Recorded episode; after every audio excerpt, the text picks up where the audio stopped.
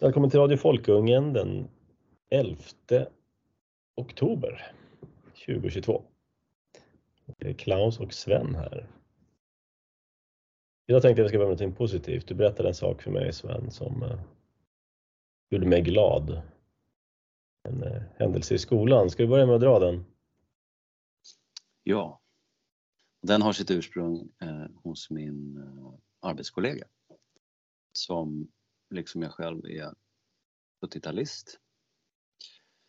Och han har två döttrar varav en började i årskurs 7 den här terminen. Och det är den dottern som är upphovet till den här anekdoten. Eller hon har, hon har fått förmånen att delta i ett sammanhang som är positivt. Eh, och det föll sig så att i hennes klass så skulle en lärarinna och nu vet inte jag om den lärarinnan är eh, vad det nu heter nu för tiden, det vet jag inte, men klasslärare sa man väl förr i tiden. Eller om det är någon typ av ämneslärare som hoppar in ibland. Det spelar ingen roll. Eh, man skulle prata kön på lektionstid. Och mer specifikt att det inte finns två kön utan det finns fler kön. Mm-hmm. Mm. Hur många kön eh, det gjordes gällande att det skulle finnas, det framgick inte. Men det som då inträffade under den här eh, lektionen var att en av eleverna i klassen satte sig på tvären i mot den här framställningen. Helt enkelt ropa att kejsaren är naken? Precis, precis. Det här är ju en uråldrig egentligen, ett uråldrigt eh, sammanhang på något sätt. Att, eh, att man från en eh, högre stående hierarkisk position eh, påstår någonting inför, i det här fallet de unga eleverna, men det kan vara pöbeln eller, eller, eller något annat kollektiv då, eh, påstår någonting som många vet, de flesta vet, är bara topptunnergalet. Och eh, eh, så är det någon då som just säger det. Och den här eleven sa, nej men det här stämmer inte. Klart att det finns pojkar och flickor. Och uh, då blev det väl någon slags trevande diskussion då. Men den föranledde ju bara fler elever att se att kejsaren är naken. Uh, varpå, varpå helt plötsligt uh, den här lärarinnan har helt enkelt ett, ett, ett slags åsiktsmyteri uh, på halsen. Och det slutar tydligen med att stämningen blev lite liksom besvärad. Och, och 13-åringar har ju en förmåga att bli stojiga och stimmiga om man säger så. Särskilt om de vädrar blod.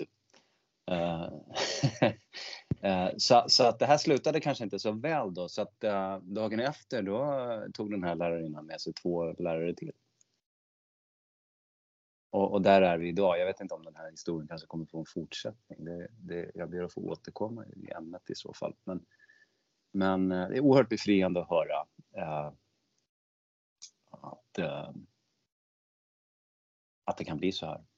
Och eh, kan också erkänna att, eh, vilket jag tycker är sunt då, när det gäller, alltså det finns ju en myt att, att som kritiker av invandringspolitiken i Sverige så är man, är man eh, så att säga kulturchauvinist och, och, och, och, bara avogt inställd till allt som har med invandrare att göra. Men det var framförallt invandrares barn som opponerade sig mot det här. Och av det kan man ju dra, man skulle kunna dra slutsatsen att eh, ja men de är ju så omoderna och efter sig de där stackars människorna från Mellanöstern eller vad det nu kan vara.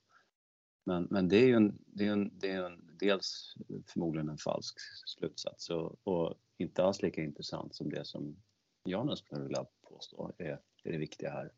De nås inte av maktens propaganda.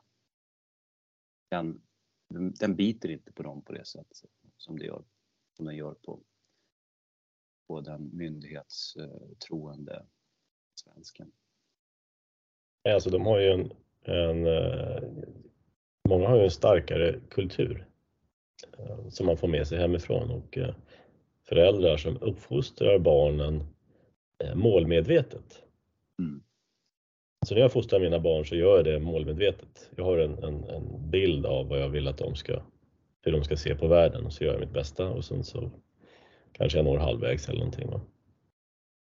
Eh, men jag tror, i alla fall av de föräldrar jag känner, så har man ingen, inget mål med sin uppfostran. Nej. Där är bara, ja, men in med dem på institutionerna och där blir de, sen kommer de ut färdiga. Ja, jo, det gör de. Med såna här lustiga åsikter om att det finns massa kön och grejer. Och det tror jag inte eh, många invandrare, de har ju sin, sin kultur som de förmedlar helt enkelt. Och det är väl här också som gör att man vill eh, sänka dagistvånget till ja, två år eller någonting sånt. Ja, precis. För komma åt de här. Det här går faktiskt att knyta ihop med ett ämne som vi också ska prata om, demografi. Och jag brukar hävda det att om man tar, eh, har olika namn på det i olika sammanhang. Modernister kallar jag ibland de här, den här sekulära, eh, extremt moderna eh, urbana, oftast kulturen med sina, eh, sina besvärjelser då inom eh, genusmagi och, och, och, och allt vad det är. Uh, den delen av de människorna som ingår i den delen av samhället som förfäktar de här tankarna och som bär dem och är de som ska också då reproducera dem över generationerna de är ju sub tvåbarns eh, föderskor. Det vill mm. säga som kollektiv kan de inte reproducera sig självt. Och för att göra det här mer för, ännu mer förståeligt så kan man titta på lästadianer. De tycker många människor är, är lite nippriga om man säger så. Eh, och har kanske en lite apart religiös uppfattning. Då. Eh, och de skaffar en herrejösses massa barn.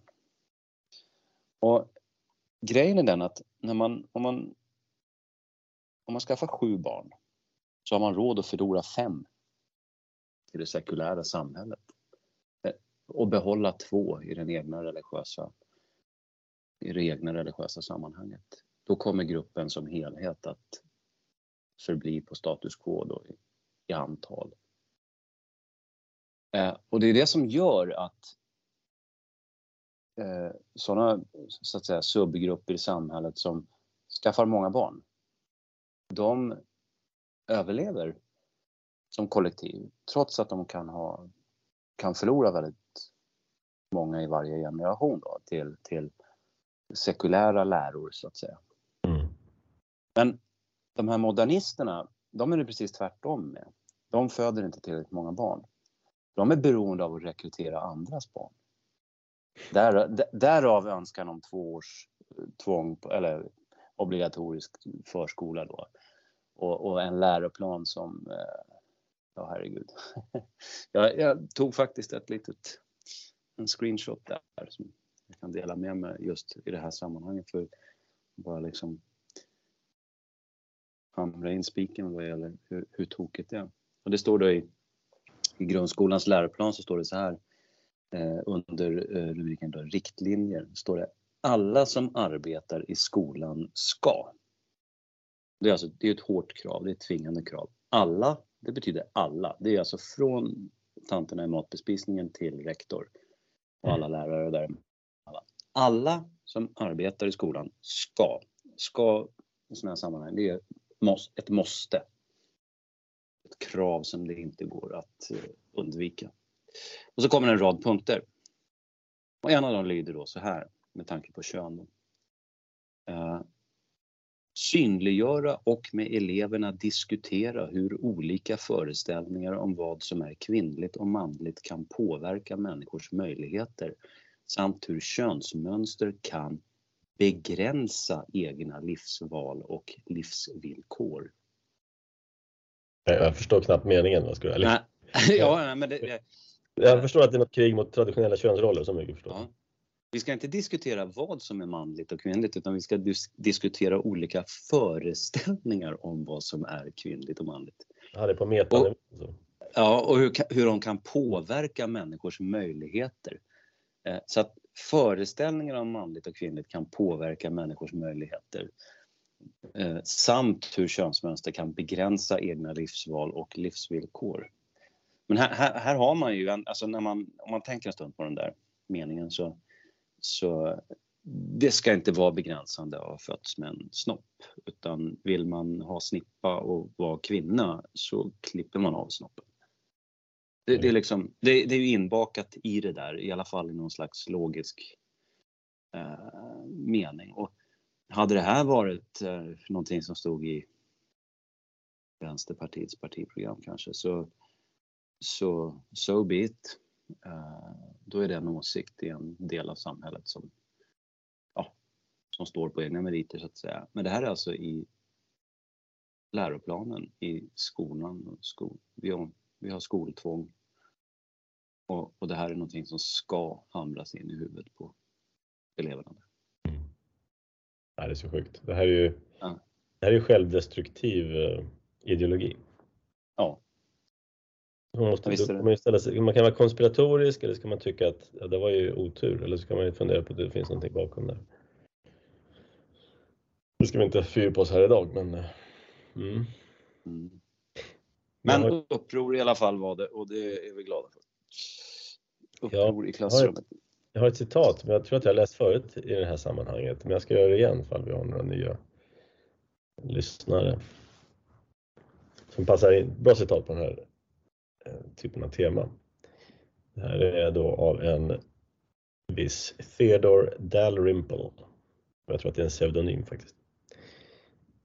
Han sa så här. Politisk korrekthet är finstilt kommunistisk propaganda. Eh, det vi pratar om här är ju politisk korrekthet, det här med att det finns massa olika kön. Då.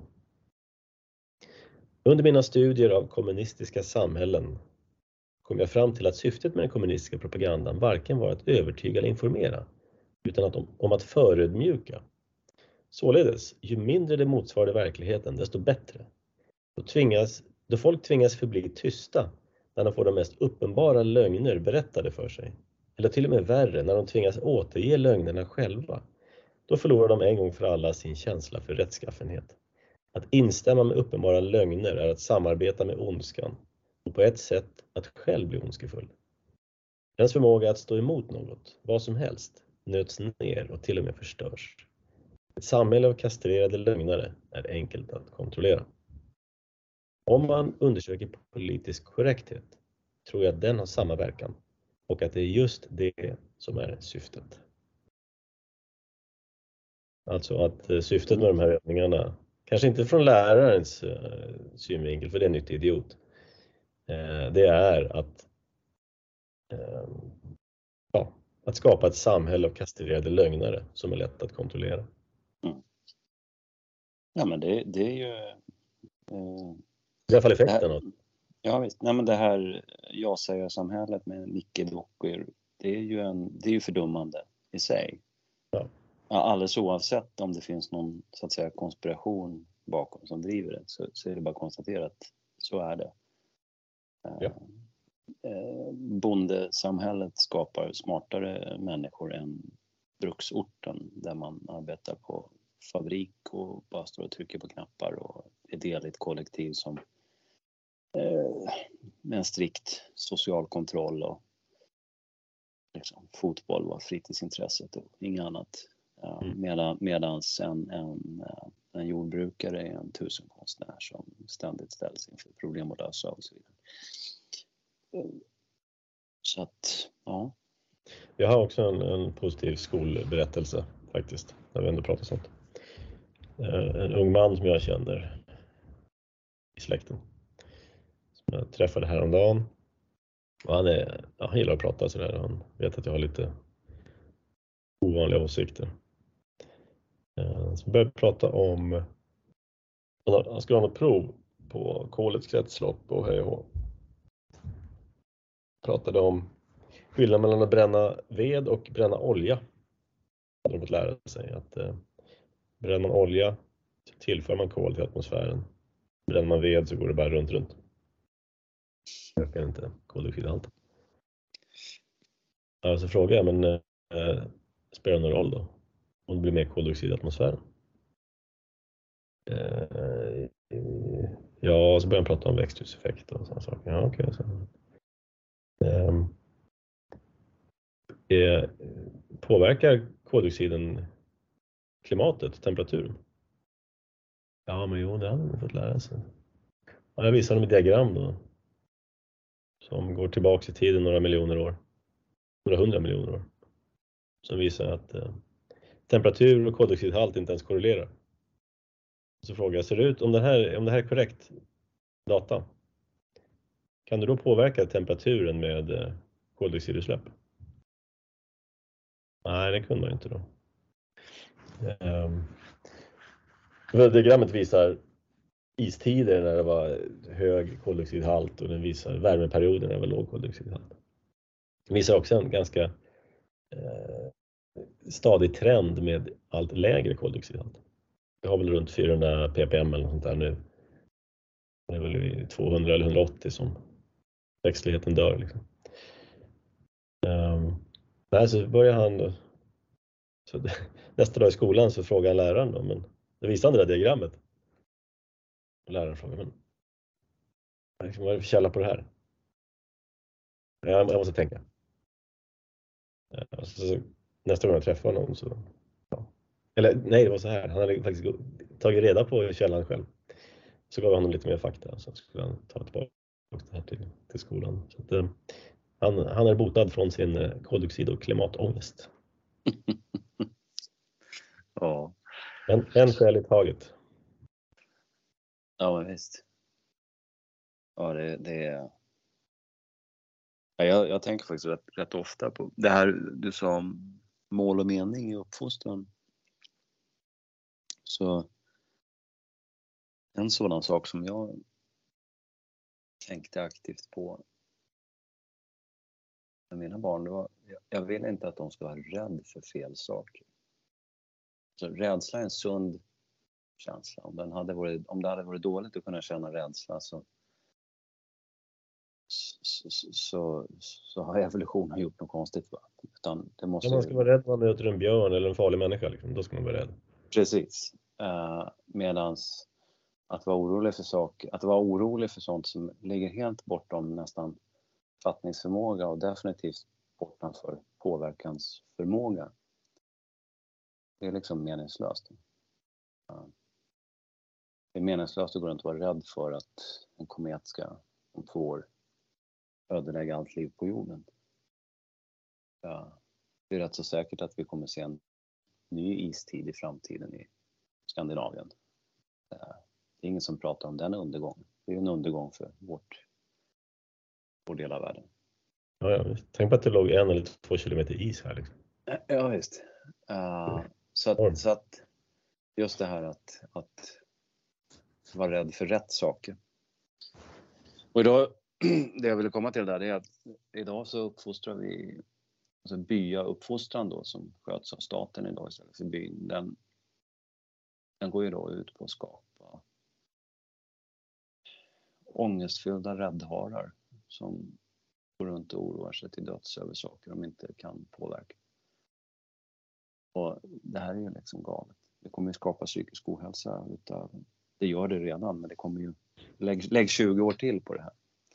Ja, men det finns väl redan sådana här klimatterapeuter eller vad de kallas det, coacher eller något som hjälper unga med sin klimatångest.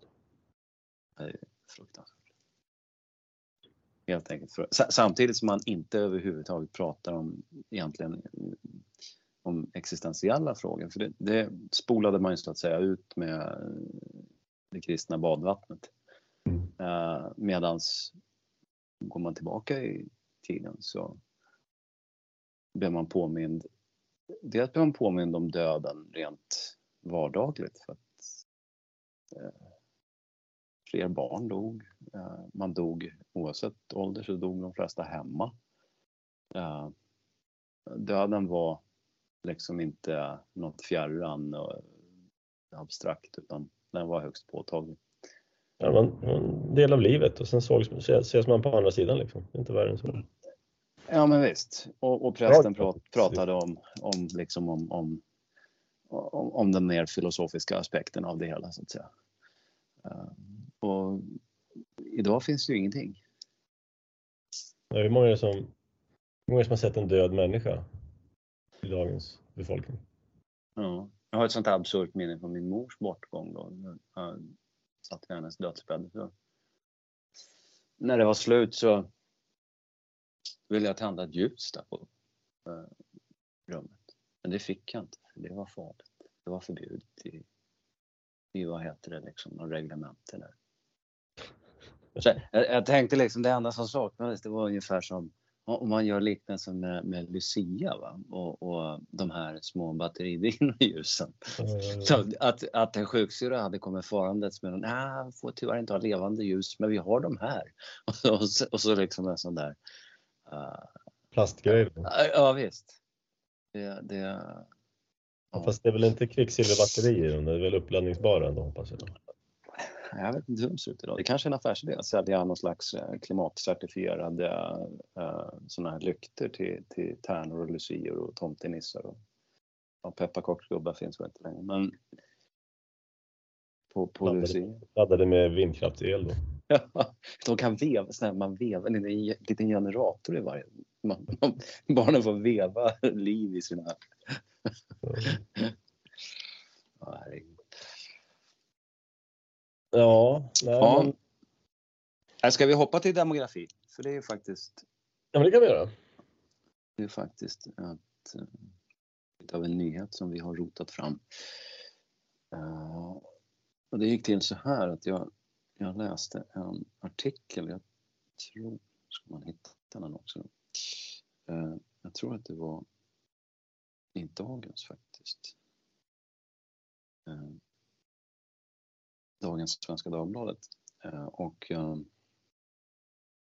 den handlade om eh, ah, lite demografiska nyheter då och presenterade ett, ett rätt så lättviktsformat då. Har rubriken Sveriges befolkning passerar 10,5 miljon. Så det är liksom själva nyheten då. Eh, och det inträffade strax före 31 augusti då. För 31 augusti var invånarantalet uppe i 10 502 959. Det är statistik från SCB. Ja, eh, och sen nämnde man då i den här artikeln eh, så här, då säger en demograf då på SCB eh, hon säger så här. Den senaste ökningen från 10 till 10,5 miljon invånare tog knappt sex år. Och så säger en annan demograf då, Lena Lundqvist, eh, att enligt vår senaste befolkningsframskrivning beräknas folkmängden vara 11 miljoner år 2032. Alltså om 10 år. Och det betyder då att på 10 år in, in i framtiden nu så tror de att eh, befolkningsmängden ska öka med en halv miljon. Men den ökade eh, med en halv miljon på de sex föregående åren. Ja, och det är en rätt avsevärd skillnad då i ökningstakt. Men det är fortfarande en enorm ökningstakt med tanke på att det finns 6 miljoner ja, ja. Oh ja, oh ja, det är ju alltså en, det är en urlandstillväxt vi har i Sverige. Och, och det, det är alltså eh, det är fan med otroligt alltså att folk inte känner till det. För man, man får liksom inte prata om det. Det här är, det här är folkutbyte. Ja. Men då, jag då har ju haft ett specialintresse just i demografiska frågor så att jag vet ju att de senaste tio åren har befolkningsmängden ökat ungefär 900 000. Och att endast 210 000 av dem är hänförliga till ett ackumulerat födelseöverskott, det vill säga att det har fötts fler än det har dött människor. Eh, och resten då, eh, knappt 700 000, det är alltså överskottsinvandring, det vill säga flera invandrare till Sverige än som var utvandrat. Eh, och det är ju liksom helt, ju skräcksiffror helt enkelt. Eh, men det som intresserade mig här i den här artikeln det är att hur gör, en befolkningsframskrivning, det är en prognos kan man säga.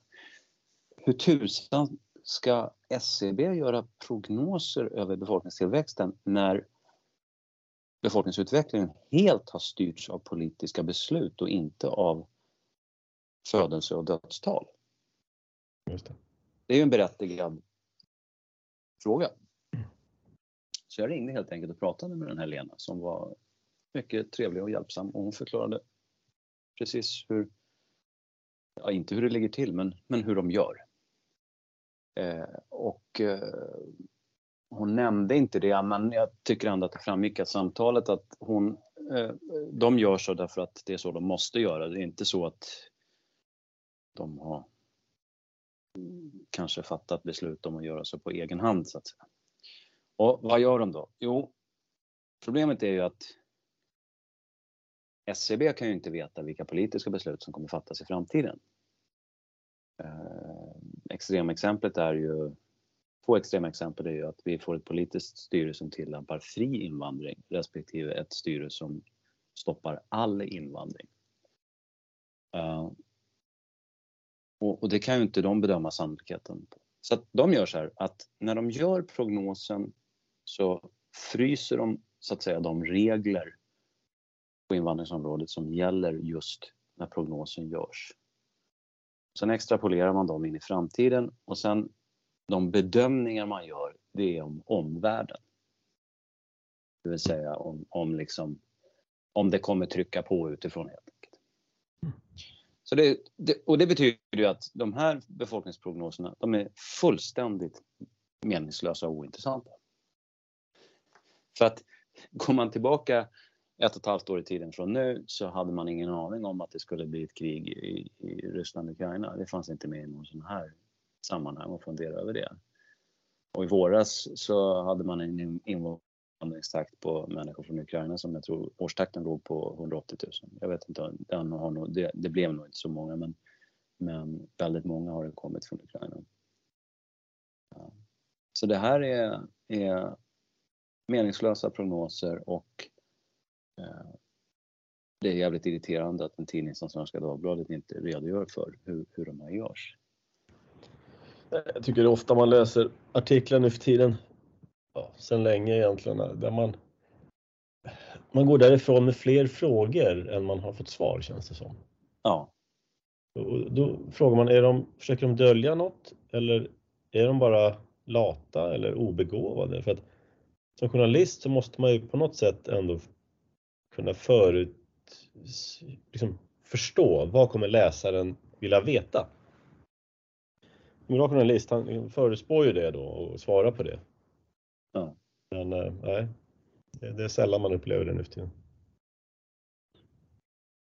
Ja, det här samtalet med den här Lena, hon, det fick ju en annan, för det är det som är nyheten jag nämnde här, eh, fick ju då till följd att hon satt ju på sånt som hade varit mycket intressant att skriva om i Svenska Dagbladet. Jag ska faktiskt, jag såg att den här artikeln den var underskriven TT så att man kanske inte ska klanka allt för mycket på Svenska Dagbladet då. Men TT är ju riktig, där har vi åsiktskontroll på riktigt. Uh, hur som helst, det hon nämnde då under uh, samtalet och hade vänligheten att återkomma då med ett, ett skriftligt förtydligande på e-mail. Jag inflika här då, om SvD är en seriös tidning så tar ju de det här TT-meddelandet och så tycker de det här var intressant, det gräver vi lite grann i. Ja, precis. Det orkar man inte. Nej, och det funkar väl, det är väl något ekonomiskt incitament med. De, man har väl som någon prenumeration på TT och, och ja, av pekuniära skäl så bara publicerar man det. Ja. ja. I alla fall. Ja, eh, jo. Hon sa så här. Att antalet barn per kvinna har i Sverige varit som lägst 1999.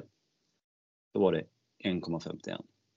Och vi behöver inte förlora oss i hur man räknar ut det där för att Den som tänker efter förstår snabbt att hur tusan definierar man egentligen det där värdet? Men, men det, det behöver inte vi fundera på. Det finns en definition på det där och uh, det intressanta är att med den definitionen så är de här talen jämförbara över tid. Men uh, nu inställer sig frågan, när en, del, en gren av staten, den som sysslar med utbildning, hävdar att det finns massa olika kön och så har en annan gren av staten som sysslar med statistik. Liksom, per kvinna? ja, alltså, vad är en kvinna för någonting? Ja, det, det, är fullt med såna inkonsekvenser. Den inkonsekvensen finns redan i läroplanen där man pratar om pojkar, pojkar och flickor otaliga gånger och sen så när pojkarna och flickorna sitter i klassrummet så får de höra att det finns mer än två kön. en diskriminerande läroplan som bara pratar om ja, ja, Ja, Nej, men 99 då var det här talet eh, barn per kvinna som lägst då, eh, 1,51. Eh, förra året, 2021, var det 1,67. Eh, och för i år då så skriver de så här, har vi uppgifter fram till och med augusti. Hittills har utvecklingen varit väldigt lik 2001. Så om det fortsätter de fyra kvarvarande månaderna kommer fruktsamheten vara 1,57 i år. Det vill säga vi närmar oss snabbt, eller vi närmar oss det här all time low som var 99. Sen fanns det även med en, en, en graf. Eh, bara för att ge exempel på det var babyboom 1990 till exempel. Då var det här talet eh, 2,2 ungefär som högst. Eh, 2000 nio verkar det vara, eller möjligen tio, då tangerade man två.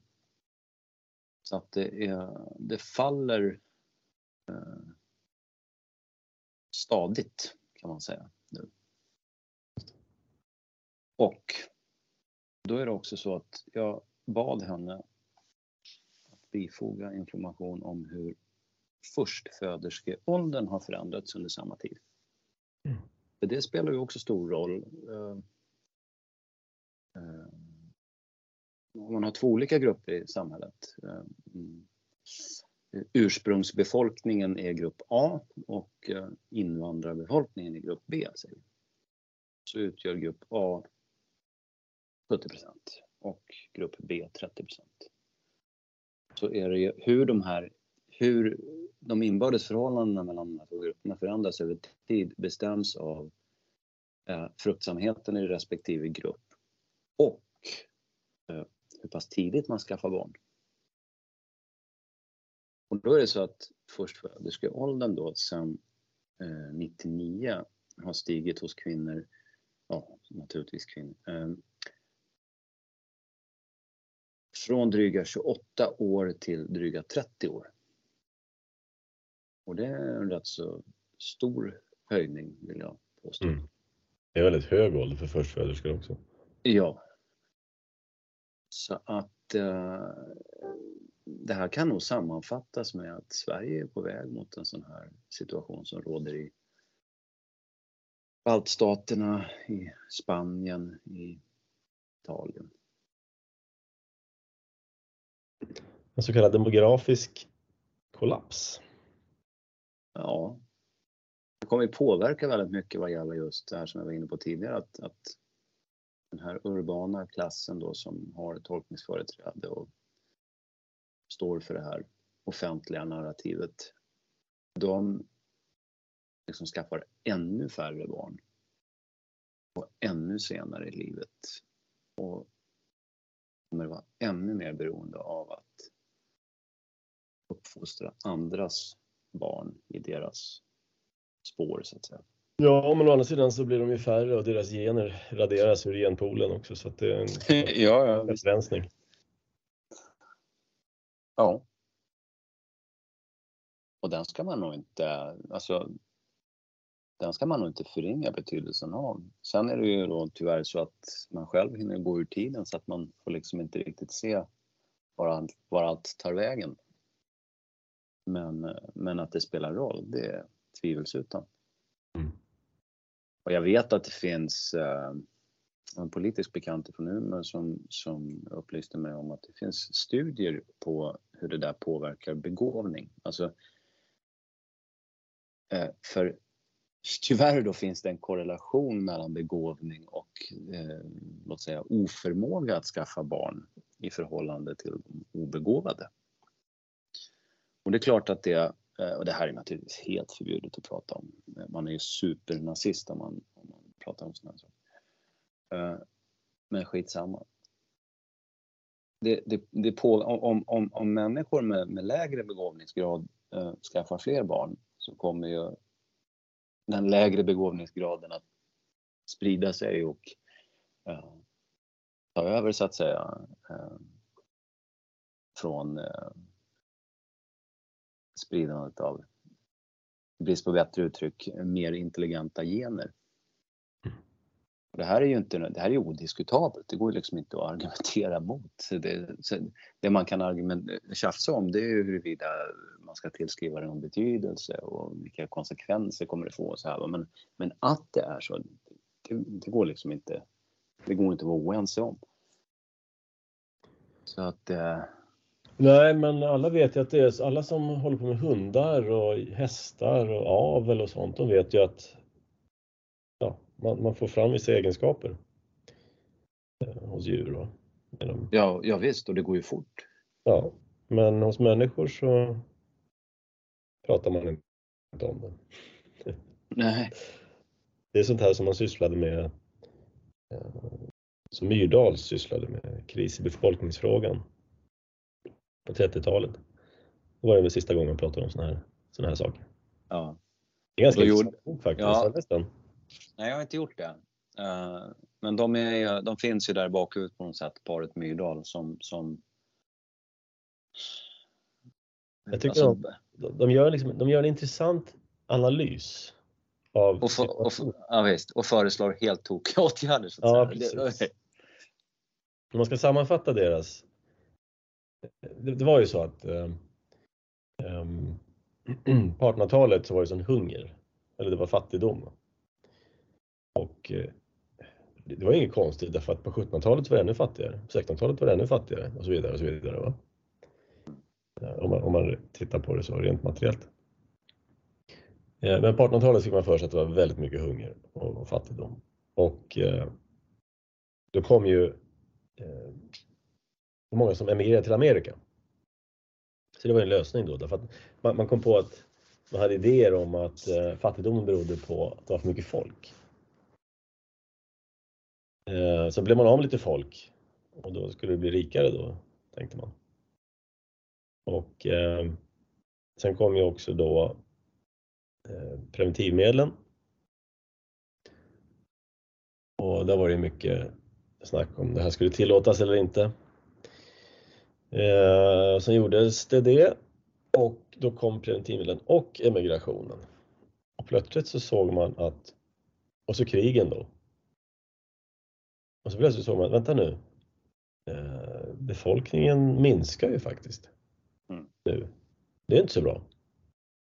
Så lägger man fram ett argument i den här boken då, varför det är ett problem om befolkningen minskar. Och ett av de exempel de tar upp, de är ju själv socialister och radikaler, men de tar upp lite olika argument från olika ideologier eh, om varför det här är dåligt med fallande befolkningsmängd. så avfärdar de då de andra som de inte gillar. Men ett av då argumenten de tar upp som de inte gillar och sen avfärdar, det är det från de konservativa. Och eh, också religiösa då, kristna. Det är att, ja men om vi, är, om, om vi blir för få så kan vi inte längre upp, upprätthålla vår nation och våra gränser och sådär. Det kommer bli, eh, det kommer bli det är risk för invasion och ja, folkutbyte som man skulle säga idag. Och det argumentet avfärdar man ju, men man redovisar det i alla fall. Mm. Och sen så är ju då lösningen på det här enligt den här boken, Kris i befolkningsfrågan, att ja, vi, vi, vi ska uppmuntra rätt människor att skaffa barn för att få en stark folkstam med bra gener. Eh, och de här människorna ska vi, eh, vi ska ge dem eh, dagis, vi ska ge dem gratis skola, vi ska ge dem gratis sjukvård, hela det här välfärdspaketet.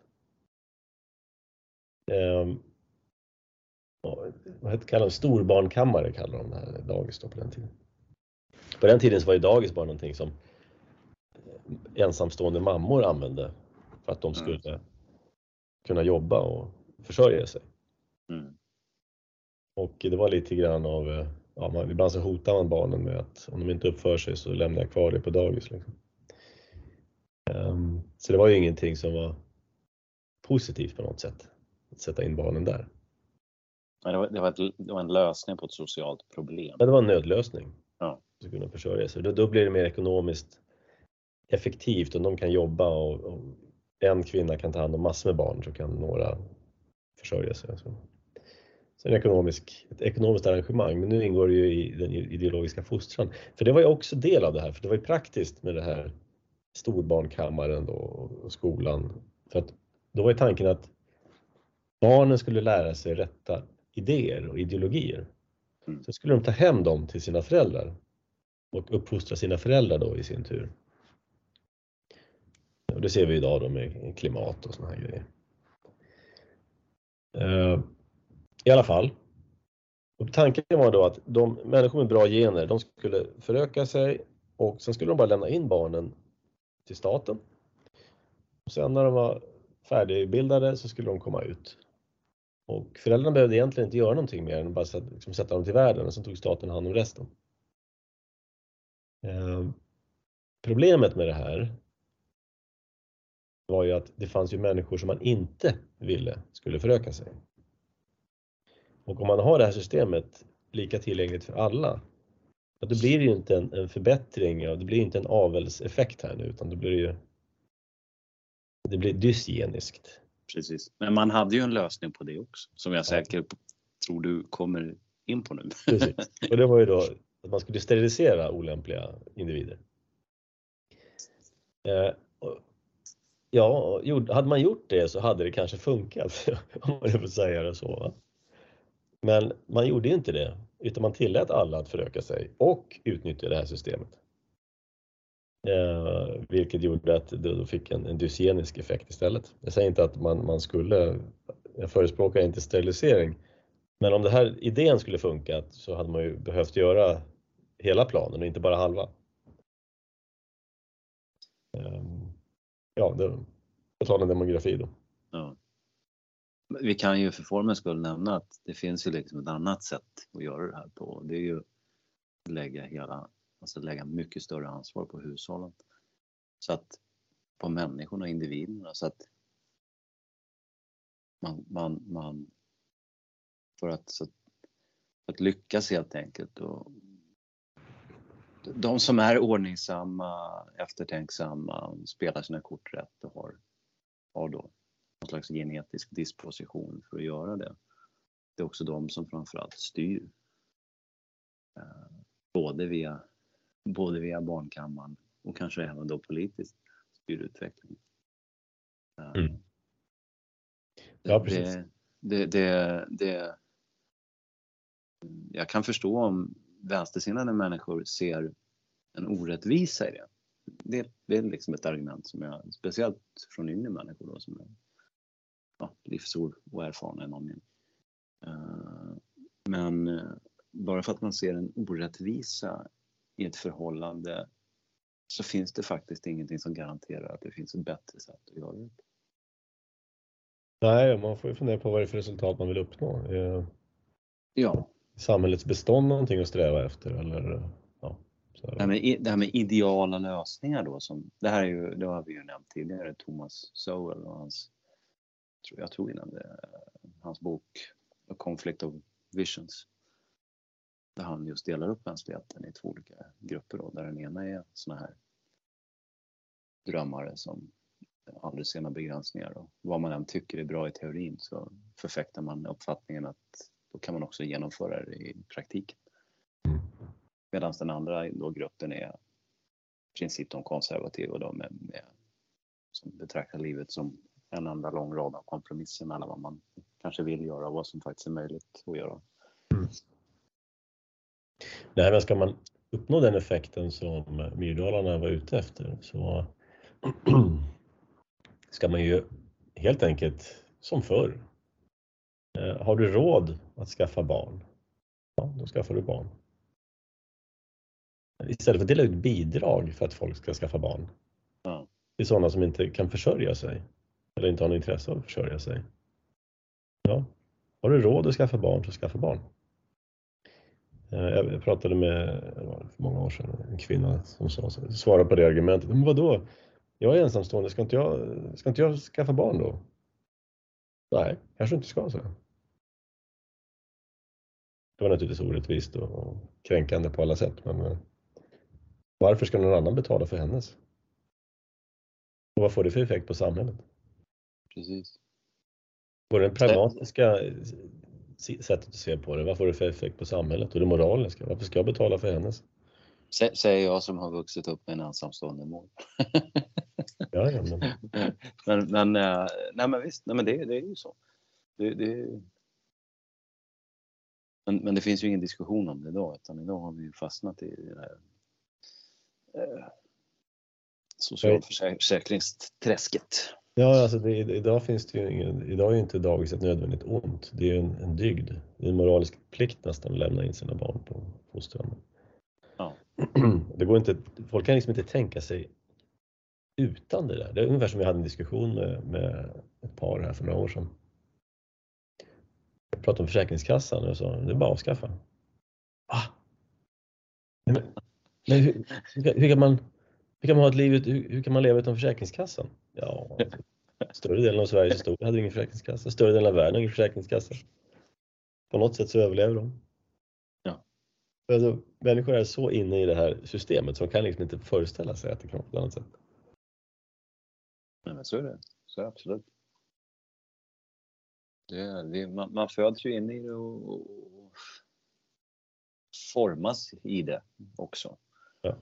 Och det sa krävs ju, ja, men det krävs ju eh, någon slags aktiva mentala intellektuella åtgärder för att eh, bryta de eh, mönstren eller, eller vill man vara lite högtravande, bryta bojorna. Ja. Ja, det, det går ju inte av sig självt. Liksom. Det, måste, det måste ifrågasättas. Ja, de lovade att de skulle fundera på det här med Försäkringskassan. De var inte övertygade, men de skulle fundera på saken. i alla fall.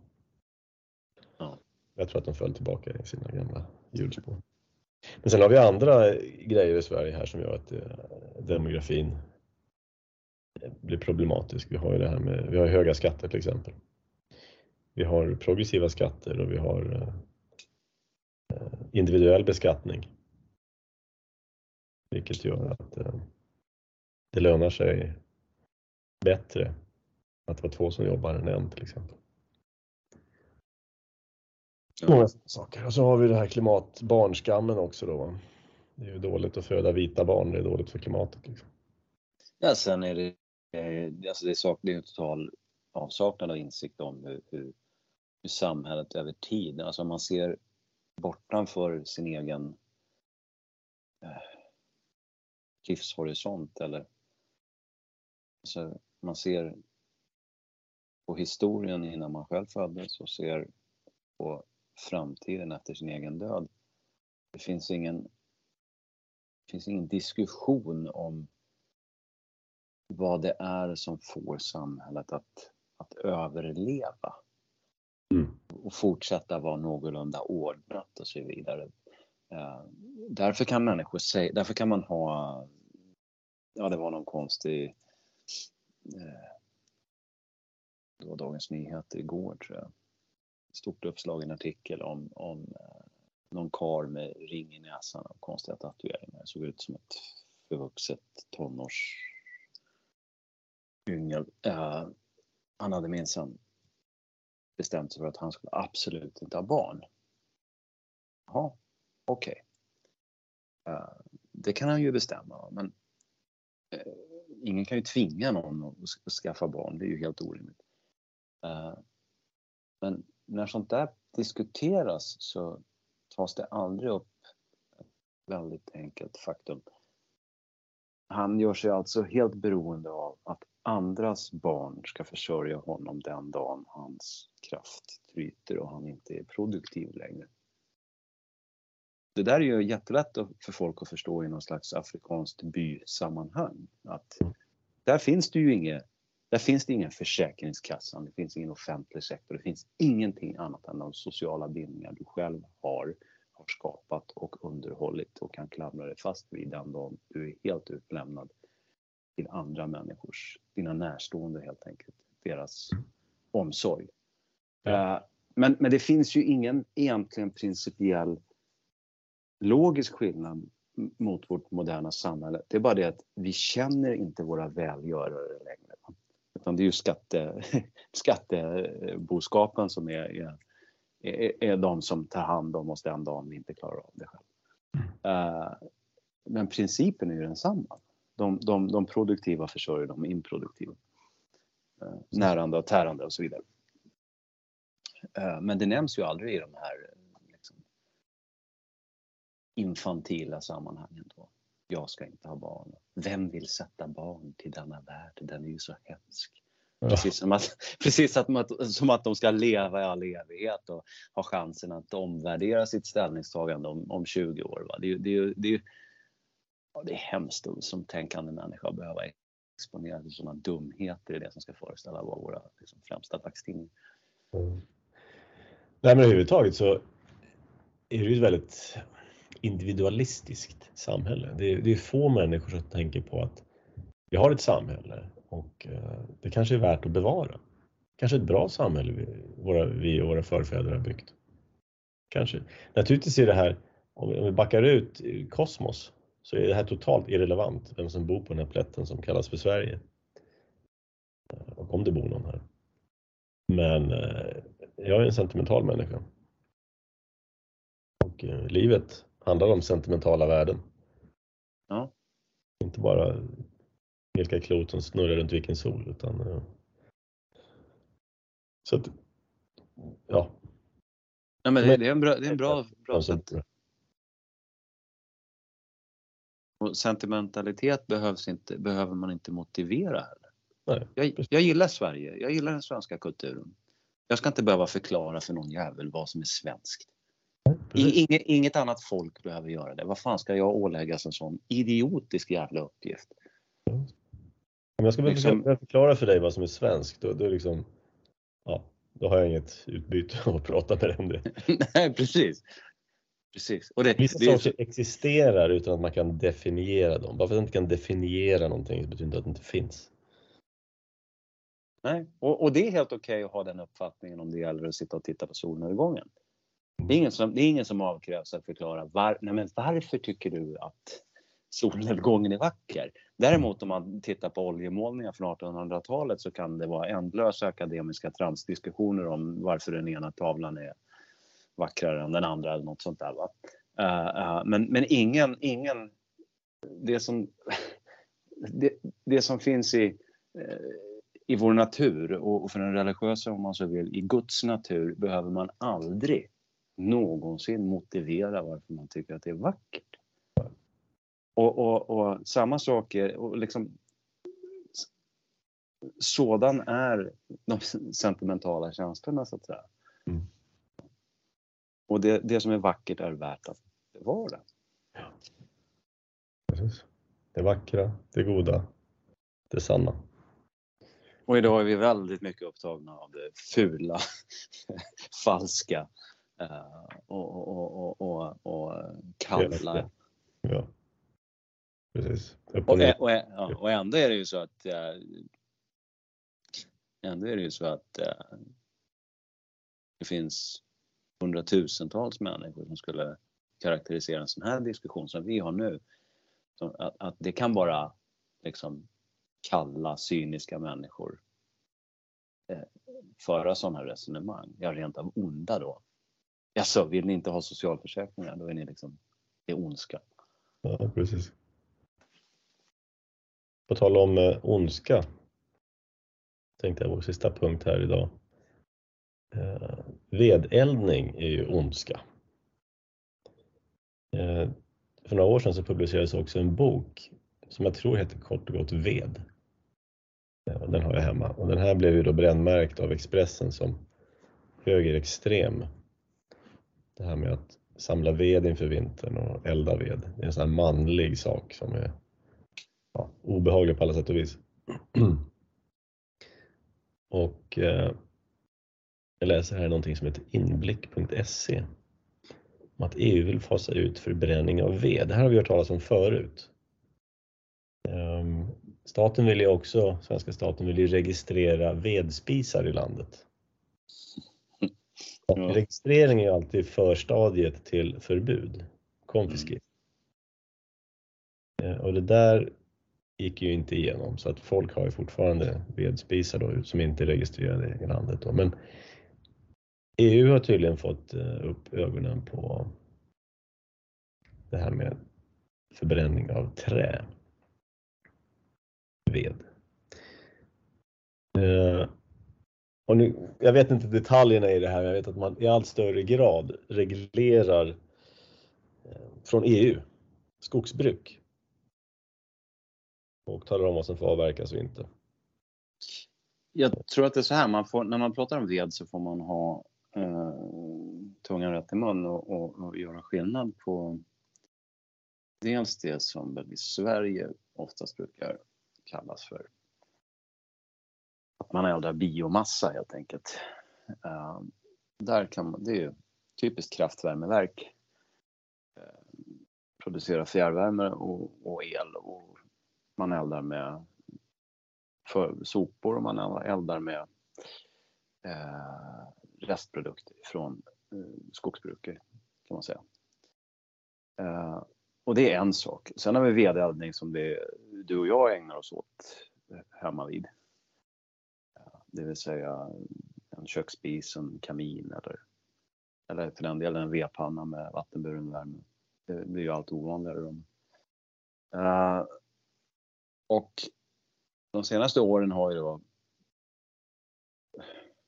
myndigheterna och kanske även EU, jag är osäker på EU där, uh, de har ju försökt ge sig på den här hushållsvedeldningen då uh, nyinstallation av kaminer eller installation av eldstäder i nyproducerade hus måste får du bara installera CE-märkta grejer till exempel.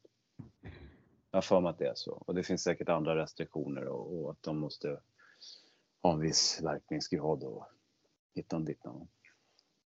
Så att när vi, när vi byggde hus till exempel då, då kunde vi ju inte köpa Eh,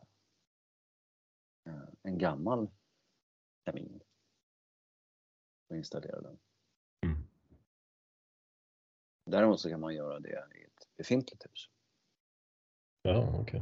Ja, så äh, bygger huset och låter det vara befintligt ett år, sen kan du installera en gammal? Ja, precis. Men det är ju ett rätt omvänt sätt att göra saker och ting på och framförallt så kostar det väldigt mycket pengar. Uh, så att, uh, och, och, det har ju då att göra med att du får bygglov och i bygglovet så finns ju eldstaden med. Då, för att du ska få slutgodkänt sen eh, när du har byggt klart så måste det överensstämma med det du har sökt och beviljats bygglov för. Uh, så att ja, myndigheterna gillar inte att vi hushåll producerar vår egen värme. Det kan man nog faktiskt slå fast. Sen i vilken omfattning det är någon typ av konspiratorisk tanke bakom det vet jag inte. Ja, men den här men, artikeln citerar ja, Förlåt, kör du. Ja, ja, men EU då, de har ju synpunkter på det svenska skogsbruket. Ja. Och där vill jag då hävda att de är faktiskt inte fel ute.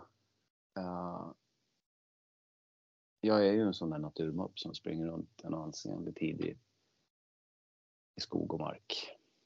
Och uh, den svenska skogen är i, i biologiskt avseende i ett förskräckligt skick. Och senaste hundra åren så har uh, biotoper i Sverige förändrats något, enormt. Det finns väldigt lite kvar av det som fanns för hundra år sedan egentligen. Det gäller både i kulturlandskapet, alltså jordbrukslandskapet och i skogslandskapet. I vissa landskap är det påtagligare än i andra. Man har tagit landskap som Småland där, och ja, även Blekinge säkert där du bor, så har andelen barrskog har ju ökat groteskt eh, i, idag då jämfört med för hundra år sedan då det var mycket mer eh, lövträdsinslag. Ja. Jag vet, jag såg en eh, såg någon typ av dokumentär på tv för väldigt länge sedan. Och det var i sin tur en gammal dokumentär om Vilhelm Moberg. Så var han nere i sin hembygd och hälsade på. Han var ju redan gammal då, han kanske var Ja, nu jag kommer inte ihåg när han var född va? men det här var ju det var ett svartvit film så att förmodligen inspelad på 60-talet och kanske tidigt 70-tal. Det var innan han tog livet av sig? Eh, förlåt, vad sa du? Det, det, var innan han tog livet av sig? ja, onekligen. Uh, men han träffade en barndomsvän där i alla fall och då säger han då i, i, i den här någonstans i den där filmen att min barndomsskog har blivit mörk. Och uh, så han, han upplevde under sin levnad då att en stor förändring. Men vad är det som händer i svenska skogen? Ja, det är ju så här. Uh, jag kan ta mina hemmatrakter som exempel. Då. Uh, skogsbolaget SCA äger 4% av Sveriges yta. Och det känner inte människor till överhuvudtaget. Men så är det. Och allt ägande är förlagt norr om Dalälven, eller norr om eh, den norra, så att säga, där, där Mittsverige. Eh, och dessutom, det vill säga där uppe så äger man alltså i princip 10% av eh, all mark. Och det är koncentrerat framför allt till mellersta Norrland. Eh, och man eh, brukar ju då med eh, det som för tillfället är att anse som de moderna metoderna. Det här har ju då varierat, det har ju varit moderna metoder sedan i princip 50-talet, 40-tal, 50-tal framåt. Och uh, de här moderna inslagen har ju då förändrats. Men en, gång var det, en gång i tiden var det gigantiska kalhyggen. Man skulle använda avlövningsmedel. Uh, alltså, vad är det det heter nu? Agent Orange. ja, ungefär. Men det heter ju något annat i, i Sverige. Hormoslyr.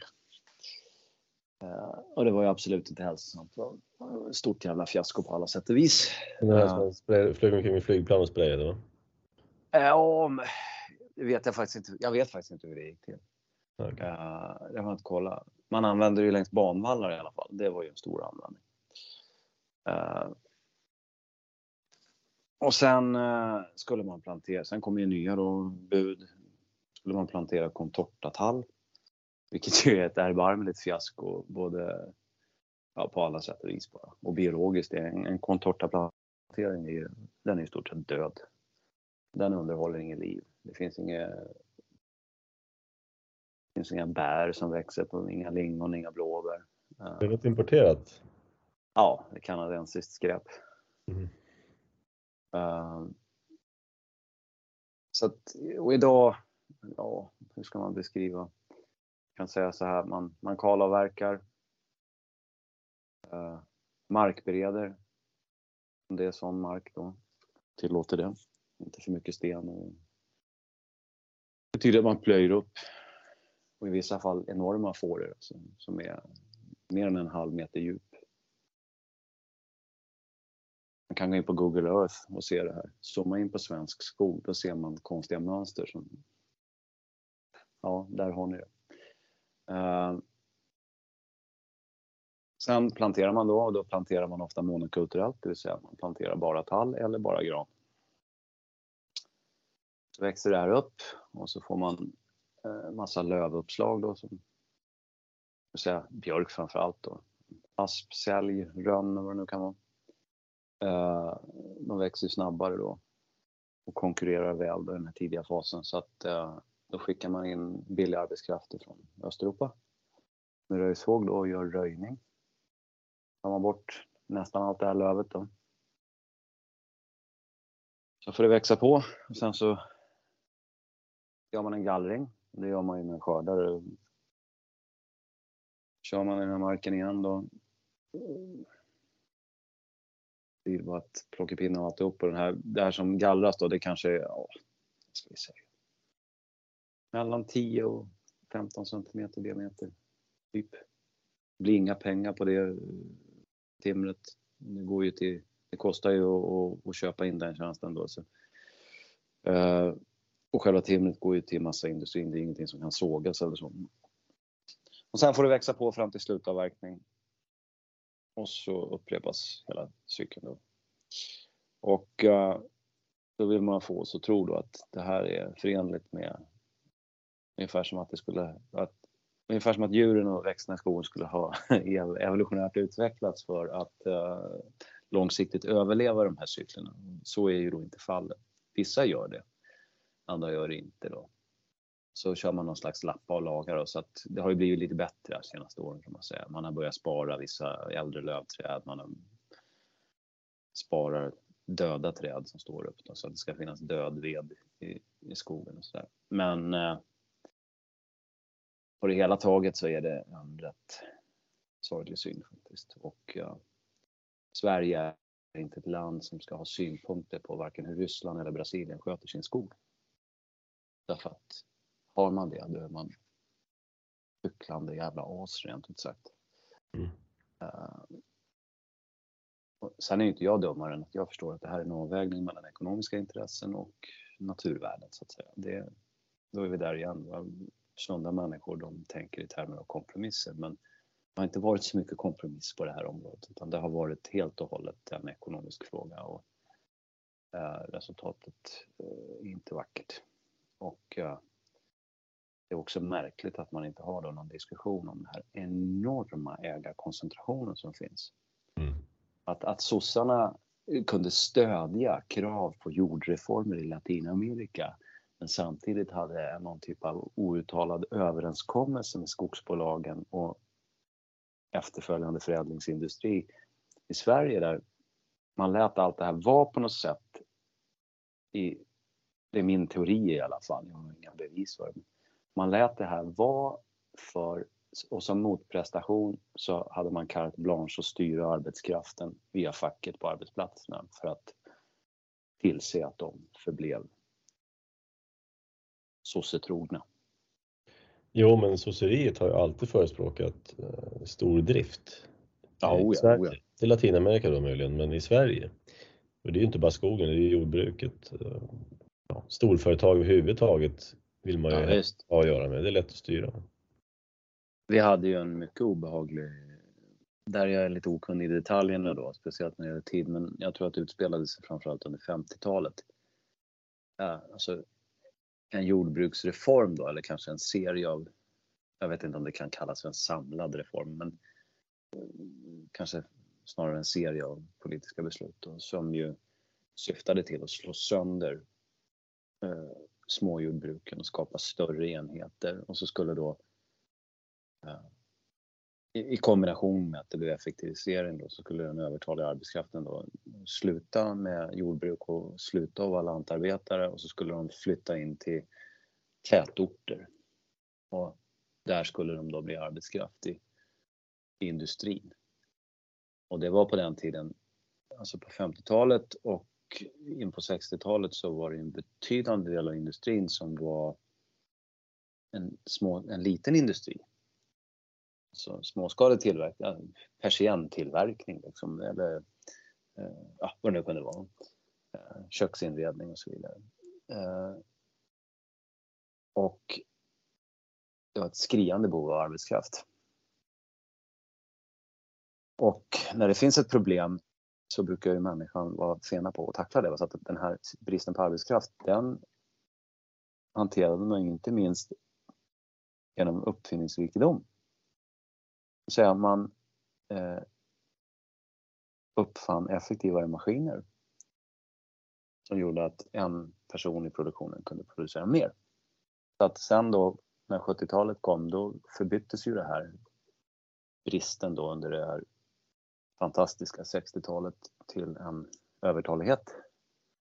Och så började den här folkförflyttningspolitiken då att arbetslösa som satt i tätorter i Norrland till exempel, de skulle in till större städer. Och uh, det här slog ju sönder sociala sammanhang. Man hade, jag, tror man kan, kan man till och med få flyttbidrag ännu denna dag kanske, men åtminstone en bra bit in på 90-talet kunde man eh, få flyttbidrag.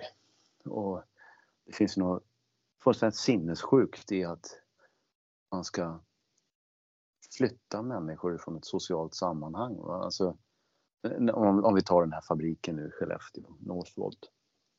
Då ska människor från hela Sverige flytta till den där men var ingen pratar om eller säger det är att de som flyttar de lämnar ju någonting bakom sig och det är ju sina nära och kära, det är sina föräldrar till exempel. Det är en fullständig absurditet att, att, att hela samhället ska bygga på en sån mobilitet. Att, att vissa människor kommer flytta, det, det, det är liksom det är inget konstigt men, men när man gör det till en liksom, offentlig angelägenhet att flytta på folk. Det, Rein, Reinfeldt började med det här, att man skulle söka jobb i hela Sverige. Annars så var man minsann eh, eh, en belastning och hemsk och, och så här. Va? Eh, och, och det, det, är typiskt att det var liksom Moderaterna då, som är låtsaskonservativa, fake-konservativa, det var de som som satte sista spiken i, i den här sociala kistan, liksom värdekonservativa. Ja. ja, men det här är oerhört cyniskt det här att flytta runt människor som, de, som om de är kuggar i statens maskineri. De är alltså, människorna är eh, medel för att uppnå ett, ett politiskt mål. Ja. Och människornas egna önskningar och tankar, det, Ja. Det skiter man Bara glömma. Ja. Liksom. Ja. Och man har dessutom mage då att påstå från socialistiskt håll att, att det här att, att ha ett arbete, det, det är liksom glädje i, i det här. Naturligtvis kan det vara glädje att ha ett arbete som man trivs med, där man känner att man gör något vettigt och vill göra. Och så får man betalt för att göra det dessutom. Det är ju liksom, det är perfekt.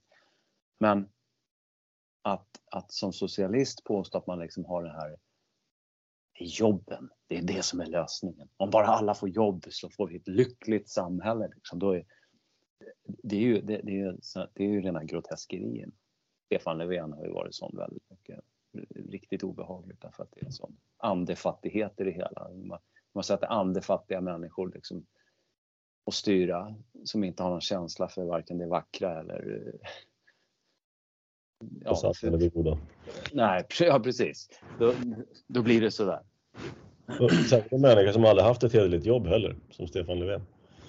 Ja, han, ja, han är, oj, oj, ska veta, han har jag hört mycket om via, ja, han, han har ju varit verksam där jag bor. Folk ska bara veta. Oj. Jag vågar inte berätta det för då blir man väl polisanmäld för, för förtal eller något sånt där. Men... Ja, det måste vi återkomma till. Du får, fundera, du får fundera vilka berättelser du kan, du kan dra om det där. Jag tänkte återknyta till det här med, med skogen då för att um, jag har ju ett personligt projekt. Jag ska gå igenom alla Sveriges 30 nationalparker. Så mm. Häromdagen var jag då i Norra Kvill, heter det, i Småland. Ja, det känner jag till. Mm. Det är en väldigt liten nationalpark. Den är, mm. ja, man går en slinga där på 3,5 kilometer ungefär. Så att men det är i alla fall då en skog som är helt orörd på 150 år. Mm. Och det var helt fantastiskt att gå där. Det låg döda träd, huller om buller och det var ja, man höll massor med djur, det var hackspettar och allt möjligt. Och, Eh, och så hade de då lite bilder av hur en skog såg ut förr i världen. Det var precis som du pratade om, det var blandat med lövskog, det var gläntor, det var ja, liksom, naturligt organiskt uppväxt. Och bönderna var inne och skördade träd lite grann på vintern ehm, med häst och släpade ut. Och, och eh, där de, berättades det också om det här med skogsbränder och hur det var en helt naturlig del i den här cykeln. Och här hade det inte brunnit sen, det var länge sedan det hade brunnit i den här, i den här skogen. Då. Och um, det här tyckte jag var intressant, bara som en liten kuriositet. att granen, du har gran och tall främst då.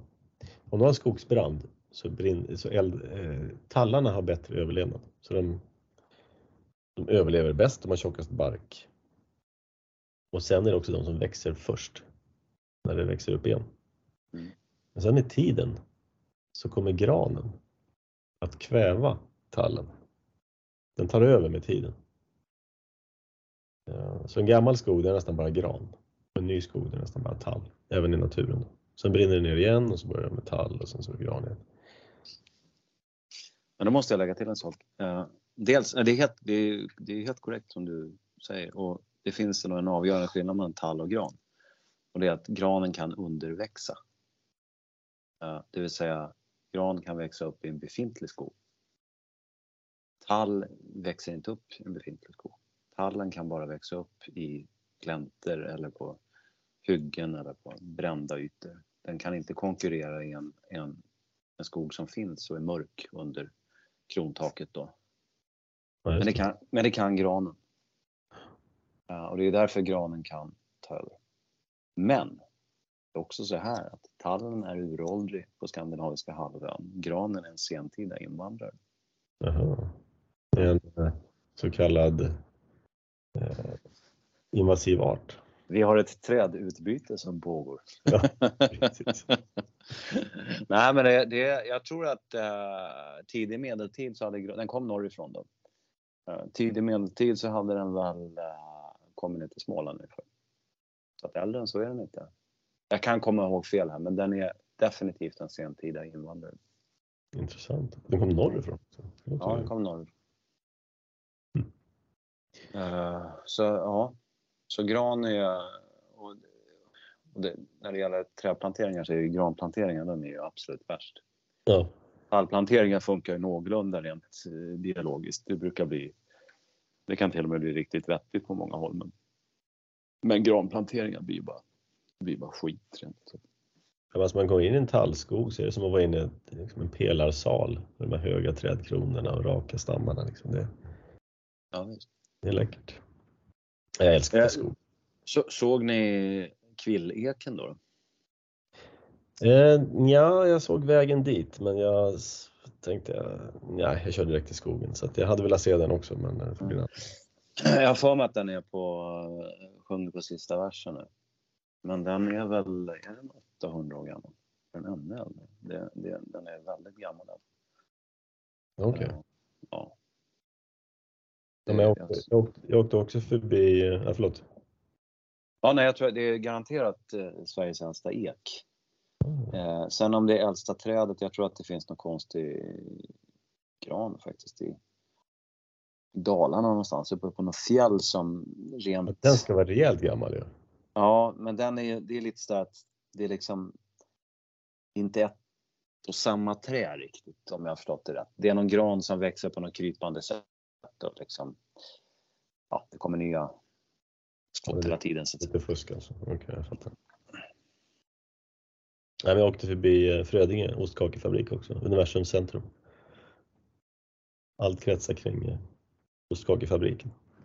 ja. Jag bodde utomlands så var en av de saker jag saknade mest. Frödinges ostkaka.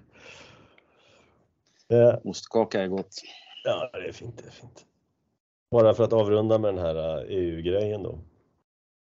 Det här är ju då Charlie Weimers de citerar i den här artikeln. Eh, som är en sverigedemokratisk parlamentsledamot.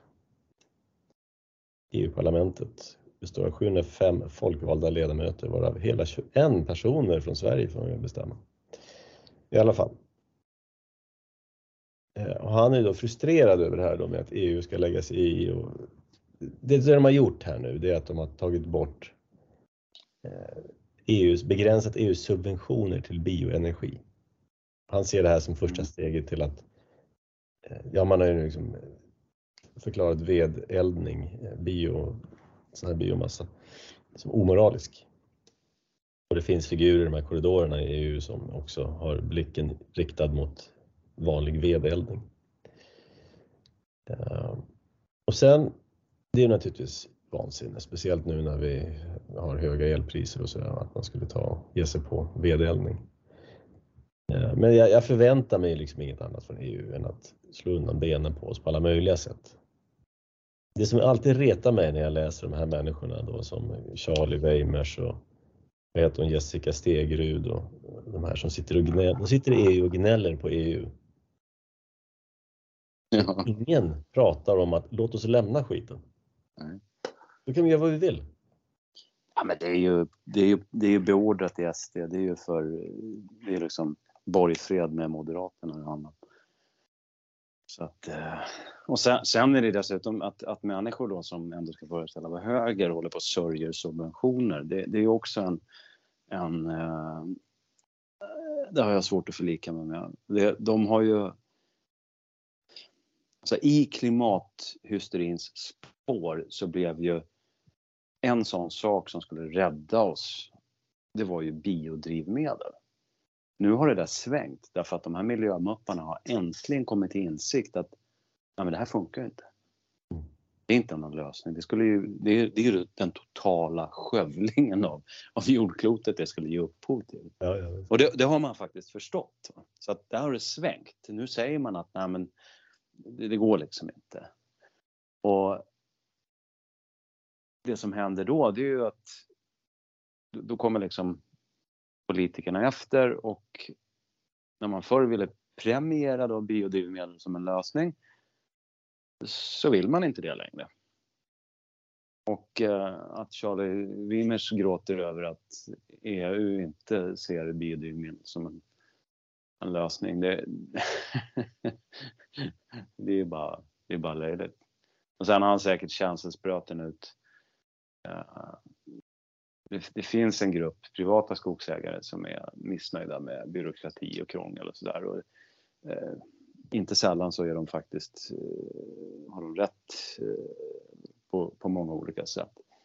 Eh, så att det är nog lite röstfiske helt enkelt. Ja, jag, vet, jag, jag bara tycker det är patetiskt att sitta där och gnälla på EU och sen så vidhålla att vi ska vara med i EU. Liksom. Det är som att du är med i någon klubb. Och den här klubben kräver att du då lämnar över vissa befogenheter över ditt eget liv till den här klubben. Ja, och sen ska du anhålla om att få använda de här, eh, att få göra saker. Ja. Ber klubben om lov att få snusa eller vad det nu är för någonting då. När du helt enkelt kan gå ur den här klubben. Den är frivillig. Inte svårare än så. Sitta där gnälla över att man är med i en klubb som förbjuder en att göra ditten eller datten. Ja, men gå ur klubben. Jag måste berätta. Jag har skrivit om MUCF. Just det. Myndigheten för eh, ungdoms och civilsamhällesfrågor. Och, um, de uh, lämnar ju då bidrag till vad de kallar för civilsamhället, vilket det finns alla anledning att problematisera. Då. Eh, men det kan man läsa om i de här texterna. Nummer två, en är publicerad redan och det blir två till varav, varav den ena publiceras snart, tror jag. Eh, och en bra grej med MUCF det är att man kan se på deras hemsida vilka som har fått bidrag. Och eh, Eh, där så, så, så, ser man hur skamlösa eh, hur skamlösa bidragssökarna är. Därför att de, det är organisationer som söker bidragen, oftast ideella föreningar inklusive politiska sådana. Alltså föreningar som är affilierade något parti. Eh, och jag har ett sånt, jag, jag, tycker det här är ett roligt exempel. Då. Eh, homo, bi och transliberaler. Det finns alltså en organisation som heter det homo, bi och transliberaler. Men de är inte mer liberaler då än att de kan söka bidrag från MUCF. Så att de beviljades då 580 000 i bidrag för att driva organisation. Och, det sorterade under området organisationsbidrag för hbtq-organisationer 2022. Så att man, man, man liksom Man kallar sig för liberal och det första man gör det är att springa iväg till ett museum och söker bidrag och så får man så stjäl man skattebetalarnas pengar då. Ja, det det. Och de har det driva sin verksamhet. Det går inte att driva liksom, man kan inte vara homo, bi och trans utan att få pengar från staten eller? Nej, det, det, verkar, det verkar så. Och första gången de fick stålar, det var alltså 2015. Då fick de 365 000 kronor. Så det, det ackumulerat så är det faktiskt en bra slant för någonting som förmodligen är ett väldigt, väldigt, väldigt snävt avgränsat område. Homo, bi och transliberaler. Ja, Ja. Det går. Kan man få det som hetero konservativ? Man får bidrag som Ja, förening. precis. Heterokommunist, ja. då blir det fullständig syntaxerror. Ja, ja. Ja. Sån är clownvärlden vi lever i. Men det går mot bistra tider och sånt har en tendens att rensa ut det som är dumt, falskt och fult. Ja, förhoppningsvis komma upp på banan igen och, och se vad som är viktigt. Precis. Och det, jag har ju länge, många år önskat mig en ekonomisk kollaps. Och det är inte för att jag tycker illa om mina medmänniskor utan för att jag bryr mig om mina medmänniskor. Förhoppningsvis så är det nu en sådan som vi står inför. En, en, en uppfostrande och sedelärande omständighet. Absolut, och vi kan bli av med låtsasjobb på kommunerna och i staten och sånt där förhoppningsvis också. Det blir bra. Mm. Gott så. Nu har vi babblat på länge nog. Så att eh, vi avrundar här och önskar lyssnarna en trevlig dag så hörs vi snart igen.